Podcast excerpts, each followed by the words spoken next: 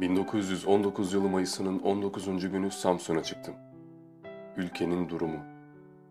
Osmanlı'nın içinde bulunduğu grup Dünya Savaşı'nda yenilmiş, Osmanlı ordusu her taraftan zedelenmiş, şartları son derece ağır bir ateşkes antlaşması imzalanmış. Dünya Savaşı'nın uzun yılları zarfında millet yorgun ve fakir bir halde. Millet ve memleketi Dünya Savaşı'na sürükleyenler kendi canlarının derdine düşerek ülkeden kaçmışlar. Saltanat ve hilafet makamını işgal eden Vahdettin, yalnızca kendini ve tahtını koruyabileceği çareler aramakta. Ordunun elinden silahları ve cephaneleri alınmakta.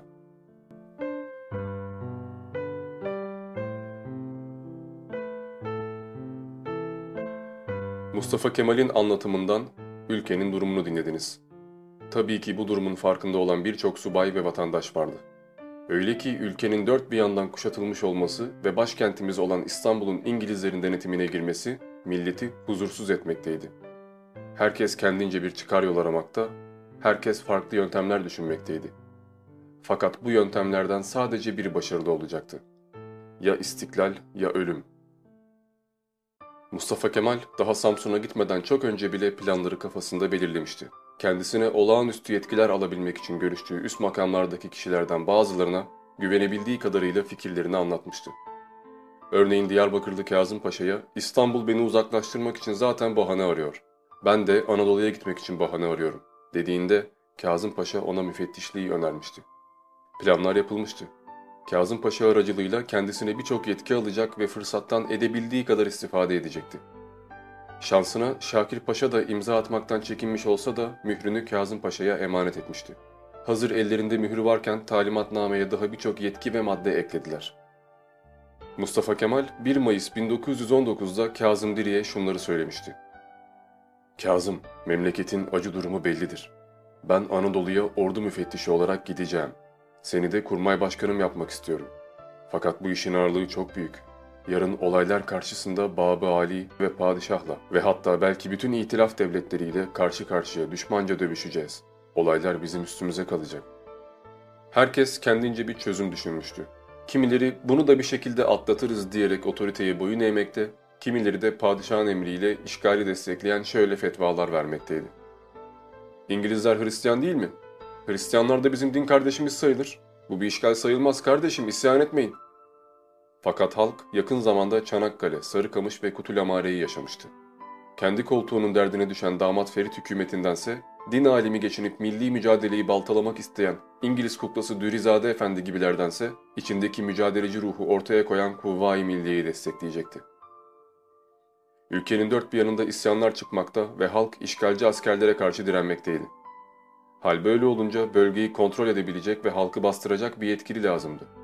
Mustafa Kemal kendisine olağanüstü yetkiler verdirerek kabinedekilerin imzalarını toplamış ve sözde halkı susturmak amacıyla Samsun'a doğru 16 Mayıs'ta yola çıkmıştı. Tabii kendi ülkenizde bile olsanız artık bir yerden bir yere gidebilmek için vize göstermek zorundaydınız. İnkılap tarihi istismarcılarının Atatürk'ü yüceltmek için uydurduğu yalanlarda olduğu gibi Mustafa Kemal öyle kırık dökük bir kayıkla gizli gizli değil, bizzat yanındaki askerlerle içinde İngilizlerin de bulunduğu bandırma vapuruyla Samsun'a çıkmıştı. Yapacağı her işi çok öncesinden planlamıştı. Hatta saraya yakın görünmek için Minber gazetesinde padişahçı gibi görünen yazılar yazmıştı. Zaten öyle olmasaydı bu kadar geniş etkileri elde edemezdi. Mustafa Kemal kısa zamanda bölgedeki bütün sesi çıkan grupları listelemiş ve planlarını yapmıştı. İsyan bastırmaya geldiği topraklarda bu isyancıları örgütleyerek ülkenin kurtuluşu için ne varsa yapmaya hazır subay ve vatandaşları bir araya topladı. 30 Ağustos 1918'de imzalanan Mondros Ateşkes Antlaşması Osmanlı'nın yıkılışına adeta bir imza gibiydi. Böyle şartlar altından sağ kalmak zaten bir rüya olurdu fakat herkes bunu görebilecek kadar olaylara hakim değildi. Olaylara belki de herkesten daha keskin bir gözle bakabilen Mustafa Kemal, İngilizleri şüphelendirmeye başlamıştı artık. Elindeki üstün yetkilere rağmen halkı susturma imkanı varken nedense halk daha da güçlü bir şekilde tepki vermeye başlamıştı. İtilaf devletleri padişaha hesap sordular. Mustafa Kemal'in görevden alınmasını ve hatta askerlikten istifasını istediler. Padişahın emriyle Mustafa Kemal müfettişlik görevinden alındı. Fakat bölgede kalmaya devam etti. Hal böyle olunca kandırıldığını anlayan Vahdettin 24 Mayıs 1920'de Mustafa Kemal hakkında bir idam fermanı çıkarttı. Hem dönemin Şeyhülislam'ına hem de İngiliz Muhipler Cemiyeti'ne kuvvacıları öldürmek helaldir şeklinde fetvalar verdirtti. Hatta ve hatta bu fermanları düşman uçaklarıyla Anadolu'ya dağıttırdı. Tepenizde uçan ve size kuvvacılar haindir, Mustafa Kemal öldürülecektir, isyan çıkartmayın, oturun oturduğunuz yerde yazan kağıtlar dağıtan Yunan uçaklarına inanmak için de ya gerçekten zır cahil ya da hain olmanız gerekirdi. Ki maalesef böyleleri de çıkacaktı. 15 Mayıs 1919'da Yunan orduları İzmir'e girmişti. Mustafa Kemal işte tam da o günlerde Samsun'a gidiyordu. Yani tam da gitmesi gereken zamanda. Bu görevi daha erken yapsaydı belki de çok ciddiye alınmayacaktı. Ya da daha geç gitseydi belki de gerçekten çok geç olacaktı. Hal böyle olunca yabancılar da boş durmadılar.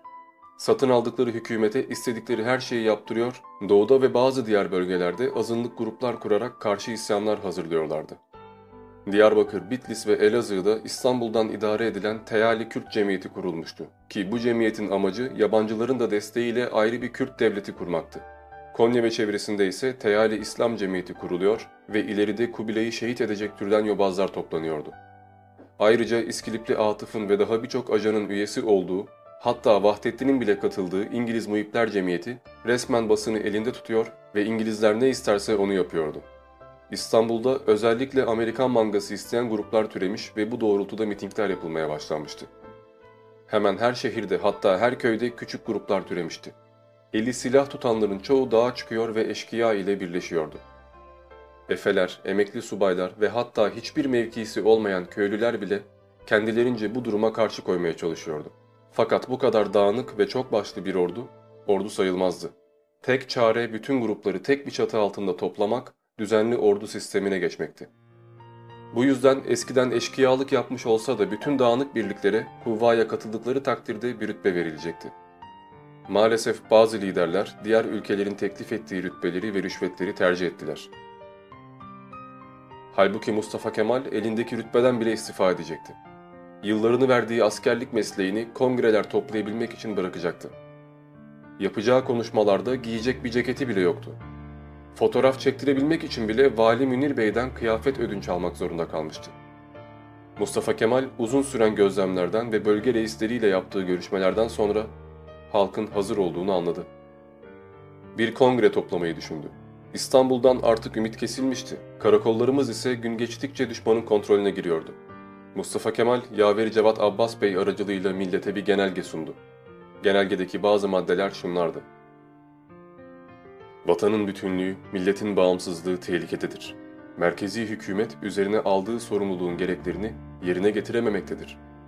Milletin bağımsızlığını yine milletin azim ve kararı kurtaracaktır. Milletin durumunu göz önünde bulundurarak haklı sesimizi tüm dünyaya duyurmak için her türlü etki ve kontrolden uzak milli bir heyetin toplanması şarttır. Anadolu'nun her yönden en emin bölgesi olan Sivas'ta milli bir kongrenin süratle toplanması kararlaştırılmıştır. Bunun için bütün vilayetlerden milletin güvenini kazanmış üç delegenin mümkün olan en kısa zamanda yola çıkması gerekmektedir. Hal böyle olunca padişah da boş durmadı. Ali Galip Bey'i bu kongreyi önlemesi ve eğer yapabilirse Mustafa Kemal'i öldürmesi için görevlendirdi. Ali Galip erkenden Sivas'a gitti ve bölgede halkı kışkırtmaya, duvarlara Mustafa Kemal'in hain ve asi olduğuna dair afişler asmaya başladı. 27 Haziran günü bölge valisi Reşit Paşa'dan destek istedi fakat Reşit Paşa risk almaktan korkuyordu. Uzun bir tartışmaya girdiler. Ali Galip Reşit Paşa'ya ''Korkuyor musun? Ben senin yerinde olsaydım onu hemen tutuklardım.'' şeklinde çıkıştı. Tabii ki Mustafa Kemal bunları da öngörmüştü. 26 Haziran günü Tokat'a vardığında hemen telgrafhaneyi kontrol altına aldırarak geldiğinden kimsenin haberinin olmamasını sağlamıştı. Ertesi gün yani Ali Galip'in bölgeye vardığı gün Sivas'a doğru yola çıkmıştı. Tokat'tan Sivas'a dönemin araçlarıyla gitmek 6 saat sürer. Mustafa Kemal Sivas valisine geldiğini açık açık bildiren bir telgraf çekti ve görevden alınmış olmasına rağmen ordu müfettişliği yetkisiyle geldiğini belirtti. Fakat bu telgrafın yola çıktıktan 6 saat sonra gönderilmesini emretti. Yani tam da Sivas'a vardığı zaman Vali Bey'in ancak haberi olabilecekti. Kısacası onları hazırlıksız yakalayacaktı.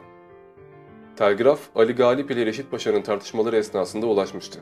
Reşit Paşa Ali Galip'e dönerek şöyle söyledi. Aha gelmiş, tutuklayabiliyorsan git tutukla bakalım. Ali Galip ise kıvırmaya başladı. E, tutuklarım dediysem kendi vilayetimde olsaydı tutuklardım demek istedim yani. Şimdi nasıl yapayım ben böyle bir şeyi? Mustafa Kemal'i yakalamak için toplananlar paniğe kapılmaya başladılar. Tali Bey adında bir görevliyi Mustafa Kemal'i karşılaması ve onu oyalaması için gönderdiler. Mustafa Kemal tabii ki durumu anladı ve hemen harekete geçti. İstanbul'un planı başarısız olunca Ali Galip Bey hemen asıl niyetinin aslında kuvvacılara destek olduğunu, aslında padişaha rol yaptığını, normalde Mustafa Kemal'i desteklediğini söyleyerek paçayı kurtarmaya çalıştı.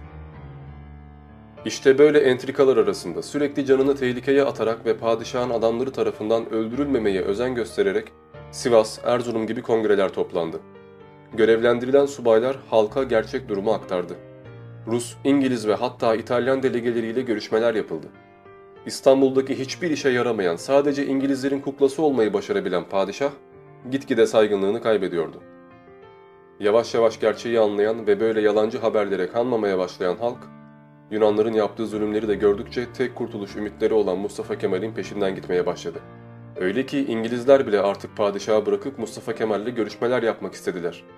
Ona rütbeler teklif edecek, vazgeçirmeye çalışacaklardı. Lakin Mustafa Kemal makam ve mevki peşinde değildi. Öyle ki Çanakkale Savaşı'na bile zar zor katılabilmişti. Enver Paşa özellikle onun savaşa katılmamasını ve parlamamasını istemişti. Fakat Mustafa Kemal istifa edip er olarak savaşa katılacağını bildirdi. Hangi rütbeyle olursa olsun önemli değildi, savaşacaktı. Yüzbaşı olduğu dönemlerden beri, hatta Harbiye Mektebi'nde okuduğu dönemlerden beri aklında tek bir fikir vardı. Hürriyet. Erzurum Kongresi zamanında da bu fikir açıkça görülmekteydi.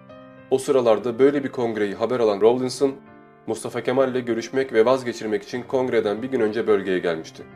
Rawlinson aynı zamanda Lord Curzon'un da yeğeniydi. Görüştüler. Duyduğuma göre yarın bir kongre açacakmışsınız. Şöyle cevapladı Mustafa Kemal. Evet, milletçe açılması kararlaştırılmıştır. Açılmaması daha iyi olur. Hükümetim bu kongrenin toplanmasına izin vermez Kemal Bey. Ne hükümetinizden ne de sizden izin istemedik ki böyle bir iznin verilip verilmeyeceği söz konusu olsun. Ne pahasına olursa olsun o kongre açılacaktır. Görüşme bitmiştir. Daha 1908'deki ikinci meşrutiyetten itibaren ülkenin ne olacağı belliydi. Trablusgarp, Balkanlar ve diğer olaylar derken ülke paramparça bir hale gelmişti. Öyle ki parasını verip satın aldığımız dreadnoughtlar bile bize teslim edilmemeye başlamıştı. Osmanlı hükümeti küçük çocuklar gibi alay edilen bir hükümet haline gelmişti. Milli mücadele hazırlığı boyunca Gaziantep'te, Urfa'da halk işgale karşı koyuyor, her bölge kendi kahramanını yaratıyordu. Fakat tüm ülkenin kahramanı olabilecek tek bir kişi vardı ve herkes bunun farkındaydı. Öyle ki Mustafa Kemal görevinden istifa ettiği ve artık hiçbir askeri rütbeye sahip olmadığı halde Kazım Karabekir gibi yiğit subaylar onu tutuklayarak ödüller almak yerine ''Ben ve kolordum emrinizdeyiz paşam'' diyerek emrine girmeye başlamıştı. Büyük bir savaş geliyordu. Türklerin Kurtuluş Savaşı ve bu kaçırılmaz bir gerçekti. Yüzlerce yıldır padişah ne derse onu yapan ve sorgulamayan halkın zincirleri yavaş yavaş kırılacaktı.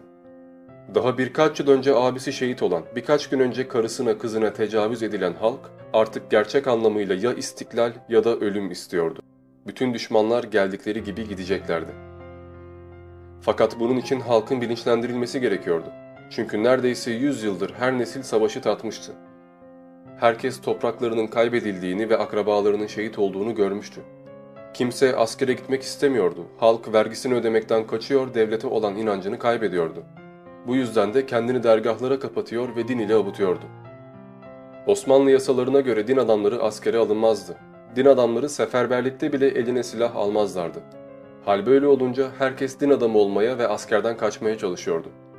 Fakat bu şekilde bu ülke kurtarılamayacaktı. İnsanların geleceği anlayabilmesi gerekiyordu. Bu bağlamda kongreler düzenlendi, söylevler verildi, halk ile temas kuruldu. Yunan baskısından kaçan birçok köylü de Anadolu'ya sığınırken gerçekleri halka anlattı. Tek kurtuluş ışığı ancak ve ancak Kuvvayi Milliye ve Mustafa Kemal olabilirdi. Yunanların Anadolu'nun içlerine kadar geleceğiyle alakalı istihbaratlar da çoğalmıştı. 1919'un Ekim ayından itibaren artık halka yapılan zulüm daha da büyümüştü. Osmanlı'nın kurtuluş hayalini çok büyümeden söndürmek istiyorlardı. Zaten 18 Mart 1920'de İstanbul Meclisi'ndeki birçok milletvekili İngilizler tarafından tutuklanmıştı. Artık kararlar meclisten değil, İngilizler ne isterse onu yapan ve hiçbir şekilde sorgulanmayan padişahtan çıkıyordu. Nitekim bu durum çok uzun sürmedi. 23 Nisan 1920'de Ankara'da İstanbul'dan bağımsız, padişahtan bağımsız, tamamen milletin iradesine dayanan Türkiye Büyük Millet Meclisi kuruldu. Artık Yunan uçaklarının dağıttığı yalancı haberlere ya da İstanbul'dan gelen pişkin emirlere değil de gerçeklere bakan heyet, Mustafa Kemal'in ve kuvvanın iradesine uygun bir şekilde işgale karşı tedbirler almaya başladı. Zaten savaş kaçınılmazdı. Plana göre Mustafa Kemal Anadolu Genel Komutanı olacak, Ali Fuat Paşa donanma komutanı olacak, Kazım Karabekir Paşa da Doğu ordularını yönetecekti. Fırsat bu fırsattı. Artık Doğu bölgelerinden de çok bir baskın yemiyorduk. Doğudaki birlikleri de Ege bölgesine getirebilirsek bir ümidimiz olacaktı. Türkiye Büyük Millet Meclisi'nin de kurulmasıyla ve yabancı basında Mustafa Kemal'in gerçekten de bir kurtarıcı olabileceğine dair haberler çıkmasıyla İtilaf devletleri yeni bir politika izlemeye karar verdiler. Mondros'un biraz daha süslü versiyonu olan Sevr Antlaşması'nı sundular. Tabii ki de bu antlaşmayı içinde nasıl maddeler olursa olsun her türlü kabul edecek ve İstanbul hükümeti de ellerinin altındaydı. 10 Ağustos 1920'de resmen bize bir hakaret niteliğinde olan Sevr Antlaşması imzalandı. İmzalandı imzalanmasını ama bu anlaşmanın amacı sadece daha iyi koşullar vaat ediliyormuş gibi göstererek halkın kuvvacılarla birleşmesine engel olmaktı. Fakat artık İstanbul'dakilerin neyi imzaladığının hiçbir önemi yoktu. Ne Ankara ne de halk bu anlaşmayı geçerli saymamıştı. Böyle olunca Yunan ordusu alevlendi. Yunanistan'dan bir destek birliği daha getirtip derhal saldırıya geçtiler. Artık politikayla değil, savaşla işlerini göreceklerdi. Amaç Türkiye Büyük Millet Meclisi'ni dağıtmak ve Eskişehir'i ele geçirmekti. Mustafa Kemal yakalanıp idam edilecekti. O esnada düzenli orduya katılmak istemeyen ve eşkıyalığına devam eden Çerkes Etem isimli bir hain, bir alayı ele geçirmiş ve kuvva birliklerine saldırmıştı. Mustafa Kemal'i lideri olarak kabul etmiyordu. Amacı Mustafa Kemal'i indirmek ve başa geçmekti. Hatta mecliste bile onu destekleyenler vardı. Türkler bununla meşgul olurken 6 Ocak 1921'de hazırlıklarını tamamlayan Yunan ordusu Uşak ve Bursa'dan iki taraflı bir saldırıya geçti. Saldırıyı önlemek için İsmet Paşa elinden geleni yaptı. Artık düzenli bir ordu sistemine sahip olan Kuvvayi Milliye yani Ankara birlikleri İsmet Paşa'nın kıvrak zekasıyla bu muharebeyi kazandılar ve bu resmi olarak kazandığımız ilk muharebe oldu. Bu saldırı esnasında Çerkes Etem de Yunan birliklerine sığınarak kaçtı. Yunanlar saldırıya başladıkları bölgeden 150 kilometreye kadar içeri çekilmişlerdi ve İsmet Paşa hiç fark ettirmeden düşmanı tuzağa düşürmeyi başarmıştı.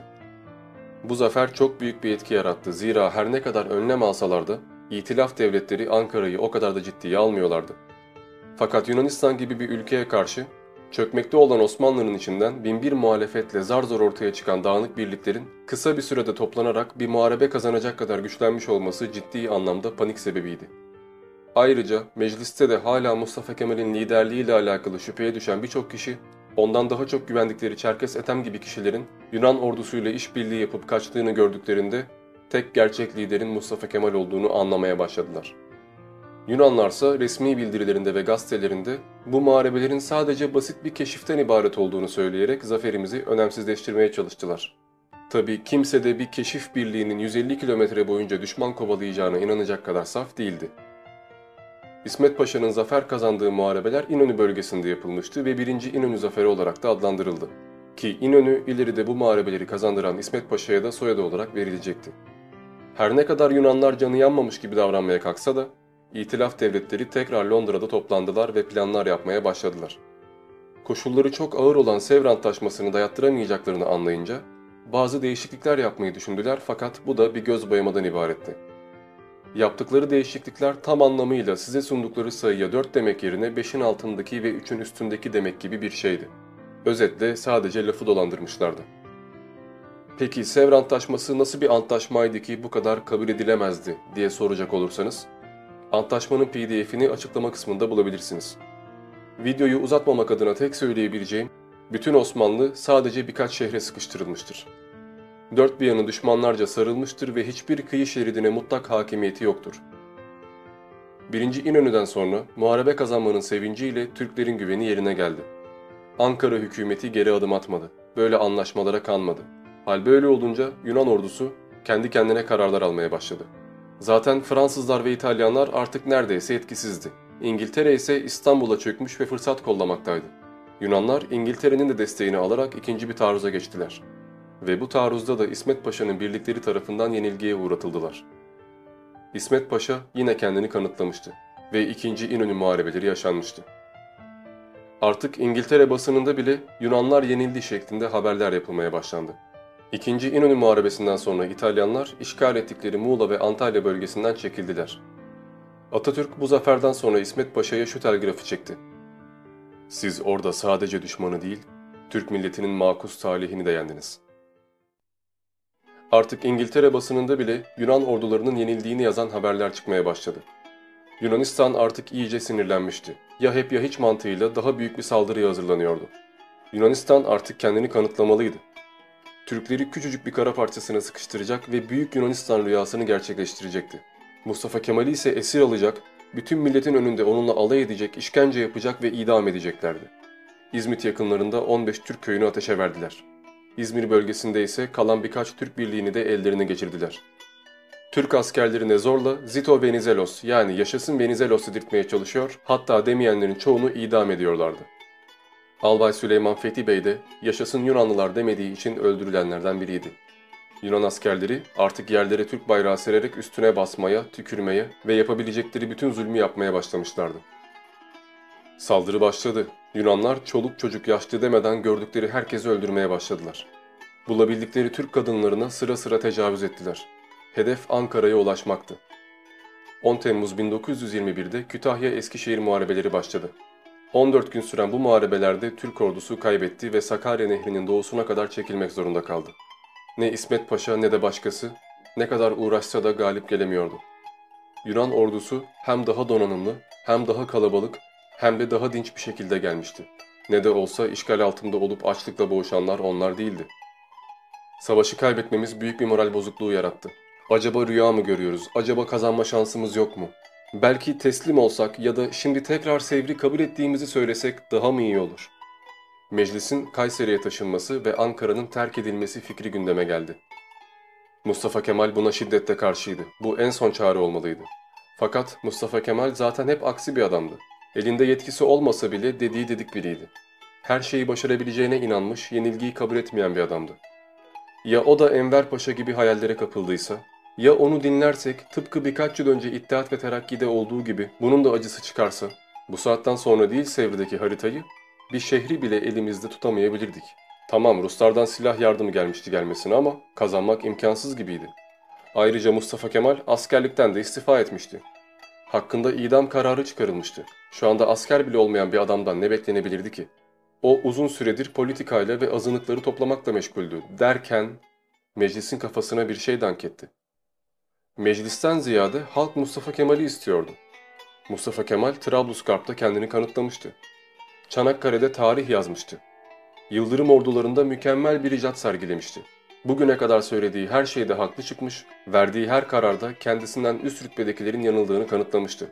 Kuvvayı tek bir çatı altına toplayan, bütün rütbelerinden vazgeçen, ayrıca 19 Mayıs 1919'da Samsun'a çıkan da o değil miydi? Askeri açıdan da o esnada Osmanlı'nın sahip olduğu en iyi asker oydu. Bütün ordulara Mustafa Kemal'in hükmetmesi, ne yapıp edip savaşı kazandırması bekleniyordu.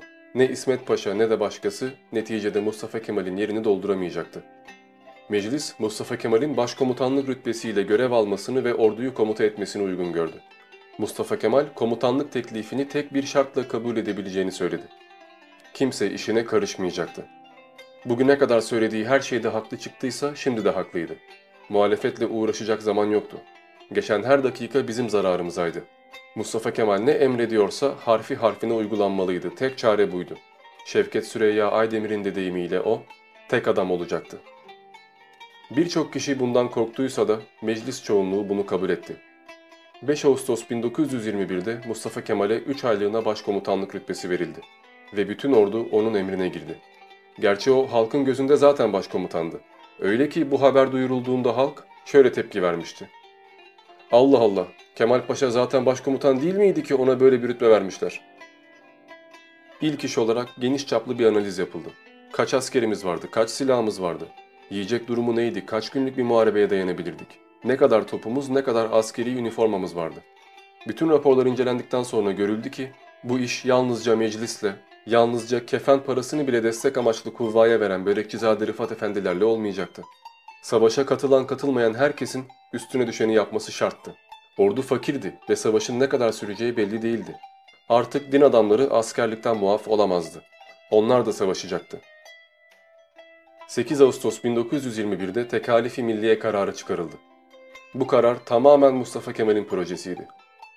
Karara göre halk elindeki silahları 3 gün içinde orduya teslim edecekti. Artık kenarda köşede, dağlarda elinde tüfekle gezmek, eşkıyalık yapmak yoktu. Ailesini korumak isteyen, vatanını korumak isteyenler orduya katılacaktı. Her aile bir askeri giydirecek kadar bağışta bulunacaktı. Herkes elinde çorap, pantolon, kumaş ne varsa belirli ölçüde devlete verecekti. Gerçi halkın canından başka verecek pek bir şey kalmamıştı ama yapacak da bir şey yoktu. Her evdeki yiyecek ve giyeceğin yüzde kırkına daha sonra ödenmek şartıyla el konuldu. Savaş kazanıldığında herkes verdiği kadarını geri alacaktı. Zaten savaşı kazanamazsak elinizdekileri verseniz de vermeseniz de fark etmeyecekti. Nasıl olsa elinizde hiçbir şey kalmayacaktı. Dolayısıyla artık yastık altında altın saklama dönemi bitmişti. Başka kurtuluş çareleri arama zamanı bitmişti. Rüya görme zamanı bitmişti. Ya varımızı yoğumuzu ortaya koyup kazanacaktık ya da her halükarda yok olacaktık. Halkın binek hayvanlarının ve taşıtlarının yüzde yirmisi toplandı ve bütün demirci, marangoz, nalbant ve terziler orduya katıldı. Hazırlıklar son hızla devam etti. Bir aydan bile kısa bir süre içerisinde artık ordu ciddi anlamda savaşmaya hazırdı. Mustafa Kemal açısındansa hazırlıklar zaten uzun süredir yapılmıştı. Örneğin Eskişehir Kütahya savaşlarında bölgeyi korumaya çalışıp daha fazla zayiat vermektense Sakarya'nın gerisine kadar çekilmeyi tavsiye eden kişi Mustafa Kemal'di. 18 Temmuz 1921'de bütün birlikler dağılırken ve Yunan ordusu ilerlemeye devam ederken herkes karamsarlığa kapılmıştı. İsmet Paşa bile her şey bitti, yolun sonuna geldik diyerek çadırına kapanmıştı. Fevzi Çakmağ'ın bile aklına bir çözüm yolu gelmiyordu. Derken Mustafa Kemal içeri girmişti. Haritaları açtırmıştı. Raporları dinlemişti ve aklına bir şey gelmişti. Şu anda bırakın kazanmayı, korumak bile mümkün olmayan bir cepheyi savunarak askerlerimizi ziyan etmenin mantığı nedir? Neden cephane ve asker sayısı açısından bizden daha üstün bir düşmanla sürekli cephe savaşı yapıyoruz? Bu savaşı kaybedersek düşman bütün ülkeyi ele geçirecek. Ama şu an burayı terk edersek düşman sadece birkaç şehri alabilir. Biz de daha güçlü savunma yapabilmek için hazırlanacak vakti buluruz. Orduyu daha iyi kontrol edebileceğimiz Sakarya'nın gerisine kadar çekmeliyiz. İsmet Paşa bu fikri duyunca küplere bindi. Sen çıldırdın mı? Orduyu Sakarya'ya kadar çekmek demek, düşmanın 100 kilometre daha vatanımıza girmesi demek. O kadar halkı, köylüyü ne yapacağız? Düşman onları mahveder. Peki sen söyle o zaman İsmet, ne yapalım? Burada kalırsak zaten düşman kazanacak. Ama düşmanı 100 kilometre içeri çekmek demek, onları yormak demek. Biz kendi vatanımızda geri çekiliyoruz. Onlarsa düşmanın vatanında. Bu kadar orduyu beslemek, 100 kilometre ilerlemek onlara bizden daha fazla zarar verecek. Bırakalım düşman içimize kadar girsin, ikmal yolları uzasın. Halk perişan olacak ama başka çaremiz yok. Nitekim öyle oldu. Geri çekilen ordumuzu takip eden Yunan askerleri geçtikleri her yeri yakıp yıktılar. İki taraf da hazırlıklarına devam ederken görüldü ki Yunan ordusu gerçekten de üstün bir konumdaydı. Bu yüzden meydan savaşı vermeden yalnızca düşmanı kayıplara uğratmak amacıyla küçük çaplı muharebeler yapıldı. Düşmanı bizim daha avantajlı olduğumuz bölgelere çekmeye çalıştık. Düşman ilerlerken istihbarat güçlerimiz onların nereye kuruldukları gibi birçok bilgiyi elde etti. Bilgi ve istihbarat bakımından avantaj bizdeydi. Geri çekilmemiz durunca düşman da durakladı. Karargahlar kurmak için yaklaşık bir ay boyunca hazırlık yaptılar. İşte bu sürede bize tekalifi milliye gibi planların tamamlanması için gereken süreyi verdi. Artık kendi seçtiğimiz bir bölgede düşmanları yönlendirerek bir meydan savaşı verebilirdik. Amaç meydan muharebesini kazanıp düşmanı geri itmek, Afyon'a kadar olan bölgeyi geri almaktı. Normalde dönemin savaş bilgilerine göre meydan muharebeleri şöyle olur. Birçok birlik yan yana dizilir ve düşman birlikleriyle karşı karşıya gelir. Örneğin bizim 10 taburumuz varsa 5. taburumuz erimeye başladığında 4. ve 6. taburlarımız 5. tabura yaklaşır ve düzenli bir şekilde geri çekiliriz.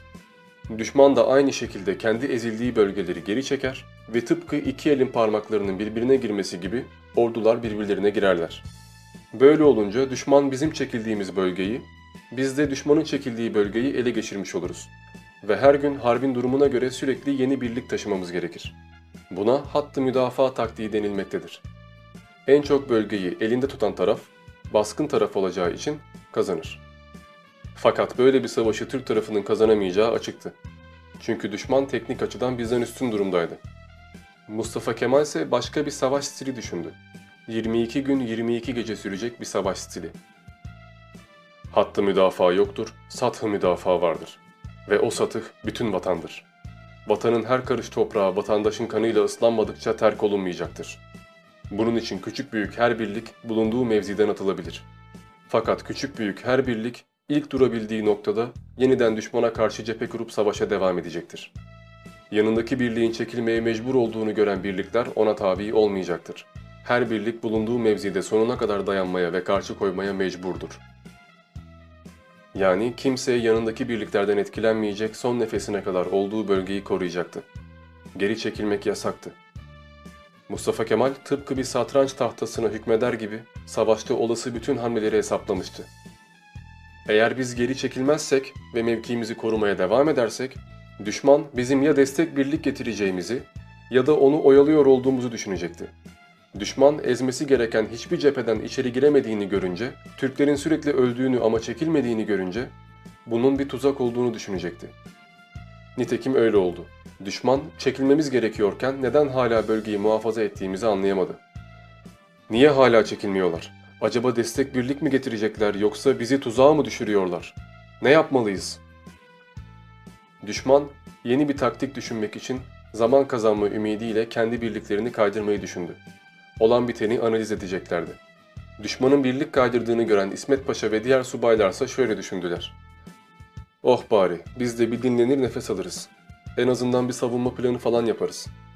Herkes tam iyi bir mevkiye kurulduk hadi burada kalalım diyorken Mustafa Kemal taarruz emri verdi. Kimse buna bir anlam veremedi. Herkes karşı çıktı. Çünkü onlar Mustafa Kemal'in gördüğünü göremiyorlardı. Düşman birlik kaydırmıyor beyler. Düşman ne yaptığımızı anlamak için geri çekiliyor. Tuzağa düştüler. Şimdi kovalama vakti. Düşman birlik kaydırdığı zaman Türklerin de bekleyeceğini zannederken Türkler taarruza kalkmıştı. Savaş 22 gün 22 gece sürdü. Hiç duraksamadan, ateşkes yapmadan, dinlenmeden, ölenlerin yerini doldurarak sürekli savaştık ve Sakarya Savaşı'nı kazandık. Yunan orduları Eskişehir-Afyon hattının doğusuna kadar çekilmek zorunda kaldı. Sakarya'da şehit olan herkes çocukları için, ülkesi için, geleceği için canını hiçe saydı. Bugüne kadar görülmemiş bir kahramanlık sergilediler. Subayların üçte ikisi şehit oldu, rütbesizlerin ise yüzde 46'sı kaçtı. Fakat kaçtıkları için kimseyi suçlayamayız. Ne kadar hayal etmeye çalışırsanız çalışın, et kokusu ve sineklerin arasında, kavurucu bir sıcakta, kan gölü haline gelen bir vadide, uyku uyumadan günlerce mücadele etmek, yanındaki herkesin nasıl öldüğünü görerek 5 dakika sonra da kendinin öleceğini düşünerek bile bile savaşmak, insani sınırları aşan bir durumdur. Her şeye rağmen Türk ordusu orada binlerce yıl geçse bile unutulmayacak bir tarih yazdı. Ama maalesef bu bile yeterli olmayacaktı. İstiklal için son bir kere daha büyük bir taarruza kalkılması gerekiyordu ve buna daha bir yıl vardı. Sakarya Savaşı'ndan sonra herkes işte fırsat, şimdi Yunanları kovma vakti, hadi taarruza kalkalım diyordu ama Mustafa Kemal zafer sarhoşluğuna mahal vermedi. Zira saldıracak bir gücümüz yoktu.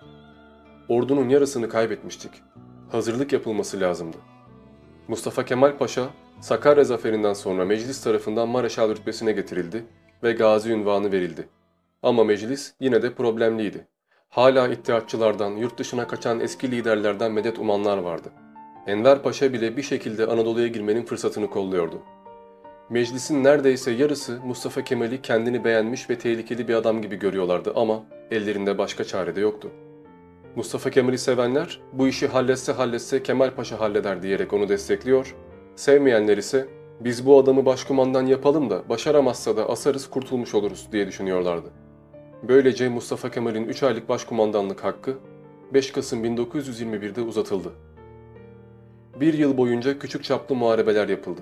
Hazırlıklarla geçen bir yıldan sonra Yunan ordusu da artık var gücüyle saldırmaya hazırlanıyordu. Her ne kadar bu savaşı 5 günde bitiririz diye düşünselerdi, belki de 5 aylık bir erzak ve cephane getirmişlerdi. Geçen bir yıl boyunca savaşla hazırlanmaktan çok meclisteki problemleri çözmekle uğraşan Mustafa Kemal artık kendini kanıtlamaya çalışmaktan yorulmuştu. Meclistekilerin her gün değişen ruh hallerini takip etmektense düşmanın hareketlerini takip etmesi gerekiyordu. Yunan orduları tam takır hazırdı ve ne zaman saldıracakları belli değildi. Bizim ise tıpkı Sakarya'da olduğu gibi beklenmeyen bir şey yapmamız gerekiyordu. Yabancı medyanın bakışından Mustafa Kemal başkumandanlığa getirilmiş fakat eli kolu bağlı hiçbir şey yapamayan biri gibi görünüyordu. Halbuki o savaşı çoktan planlamış ve taarruz tarihine karar vermişti. Mustafa Kemal herkese açıklama yaparak ya da izin isteyerek planlarını açık etmektense sahte bir çay partisi verdirtti. Gazetelerde Ankara'da verilecek olan bir çay partisine katılacağını ve bütün üst düzeydeki insanların davetli olduğunu duyurdu. Tam da hiçbir şey yapmayan bir başkumandan gibi davrandı. Herkes çay partisinde Mustafa Kemal ile görüşmeyi beklerken o gece vakti kimseye haber vermeden gizlice büyük taarruzu emredeceği karargaha doğru yola çıktı. Yoldayken de bütün Anadolu'nun telgraf iletişimini kestirdi ve kasıtlı olarak sanki kendisine karşı bir isyan başlamış gibi haberler çıkarttı. İstanbul hükümeti Mustafa Kemal'e darbe yapıldığını zannederken hiçbir telgrafhane ile de iletişime geçemedikleri için olanlara anlam veremediler. Hem Osmanlı hükümeti hem de düşman şaşkınlık içindeydi. Mustafa Kemal daha yola çıkarken bile istihbarat savaşını kazanmıştı.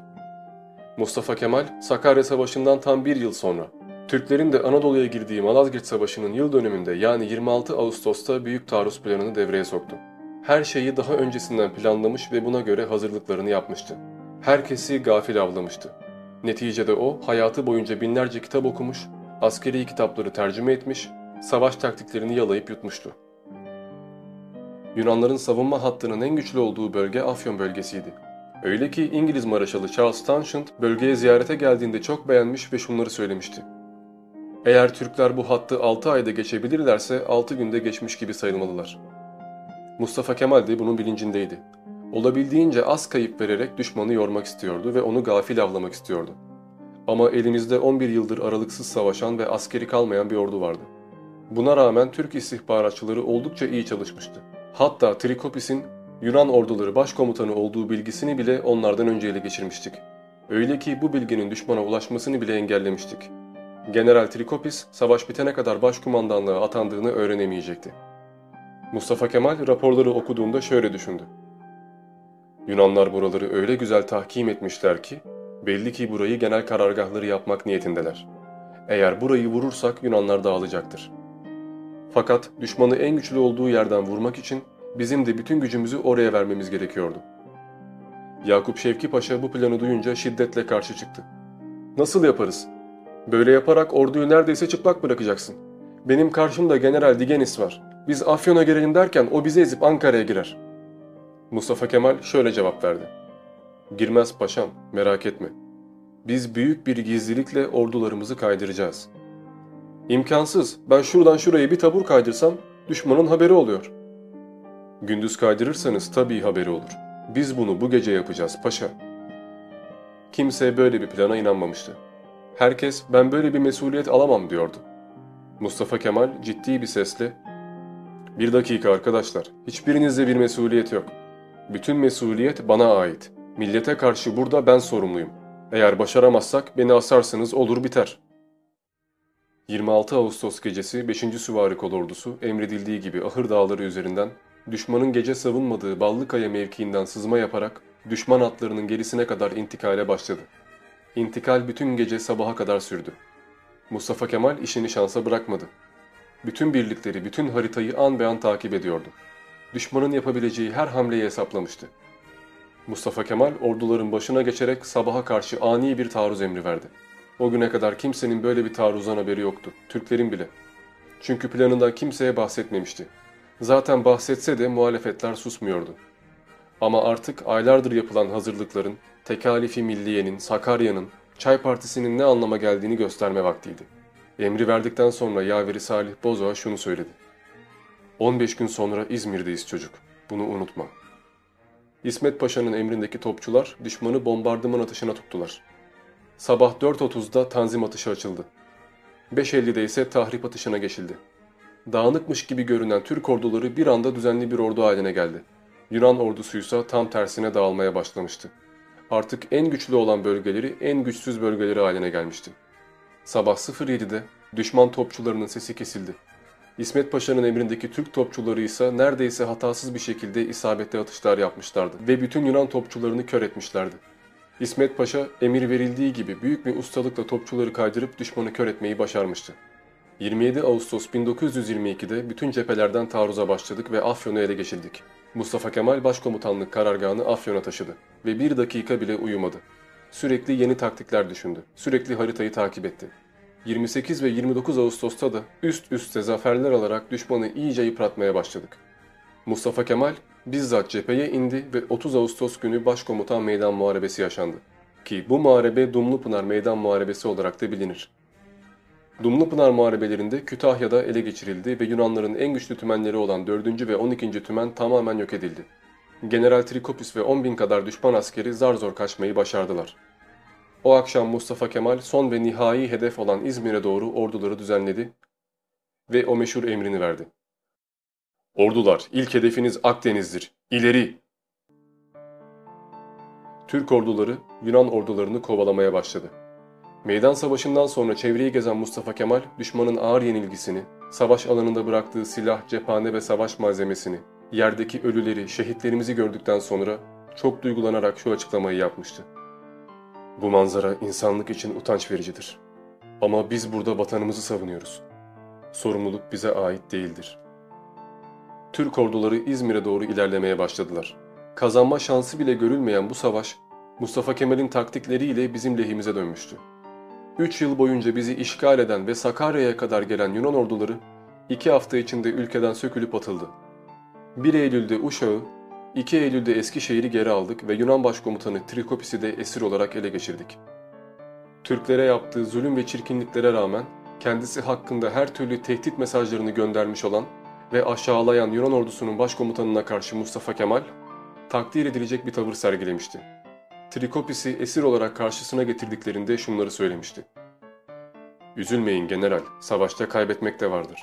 Napolyon bile zamanında esir düşmüştür. Siz vazifenizi sonuna kadar yaptınız. Burada esir değil artık misafirimizsiniz. En kısa zamanda sizi ülkenize geri göndereceğiz. Trikopis hatıralarında bütün bunları ayrıntılarıyla çekinmeden anlattı. Atatürk öldükten sonra da her yıl Cumhuriyet Bayramı'nda Atina'daki Türk Büyükelçiliğine giderek Atatürk'ün fotoğrafının karşısında saygı duruşuna geçti.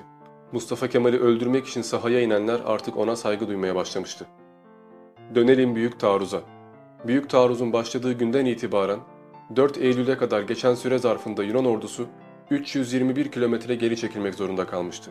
6 Eylül'de Balıkesir ve Bilecik'i, 7 Eylül'de Aydın'ı, 8 Eylül'de de Manisa'yı geri aldık ve 9 Eylül'de İzmir'e girdik. Düşman ordusu bu savaşta 100 binden fazla zayiat verdi. Bu savaş Yunanlara çok fazla şeye mal oldu. Öyle ki krallıkları dağıldı ve ülkeleri bölündü.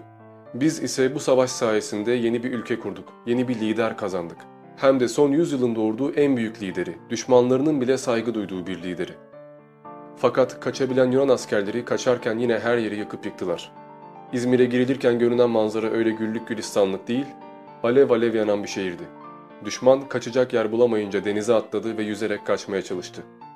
Mustafa Kemal İzmir'e girerken yaveri Salih Bozoğa kaç gün oldu diye sordu. 14 paşam diye cevap verdi Salih. Tüh, 15 demiştik, bir günde kaçırdık öyleyse. İşte Mustafa Kemal bu kadar iyi hesaplamıştı her şeyi. Bu kadar iyi görmüştü bütün olasılıkları. Bu kadar çok yedek plan yapmıştı ve 15 gün sonra alacağız dediği İzmir'i 14. günde ele geçirmişti. Kimsenin aklına gelmeyecek taktiklerle, askeri oyunlarla zekasını konuşturmuş ve hem Osmanlı subaylarını hem de itilaf devletlerini dehşete düşürmüştü. Yaptığı onca kahramanlıktan sonra bir sembol haline gelmişti.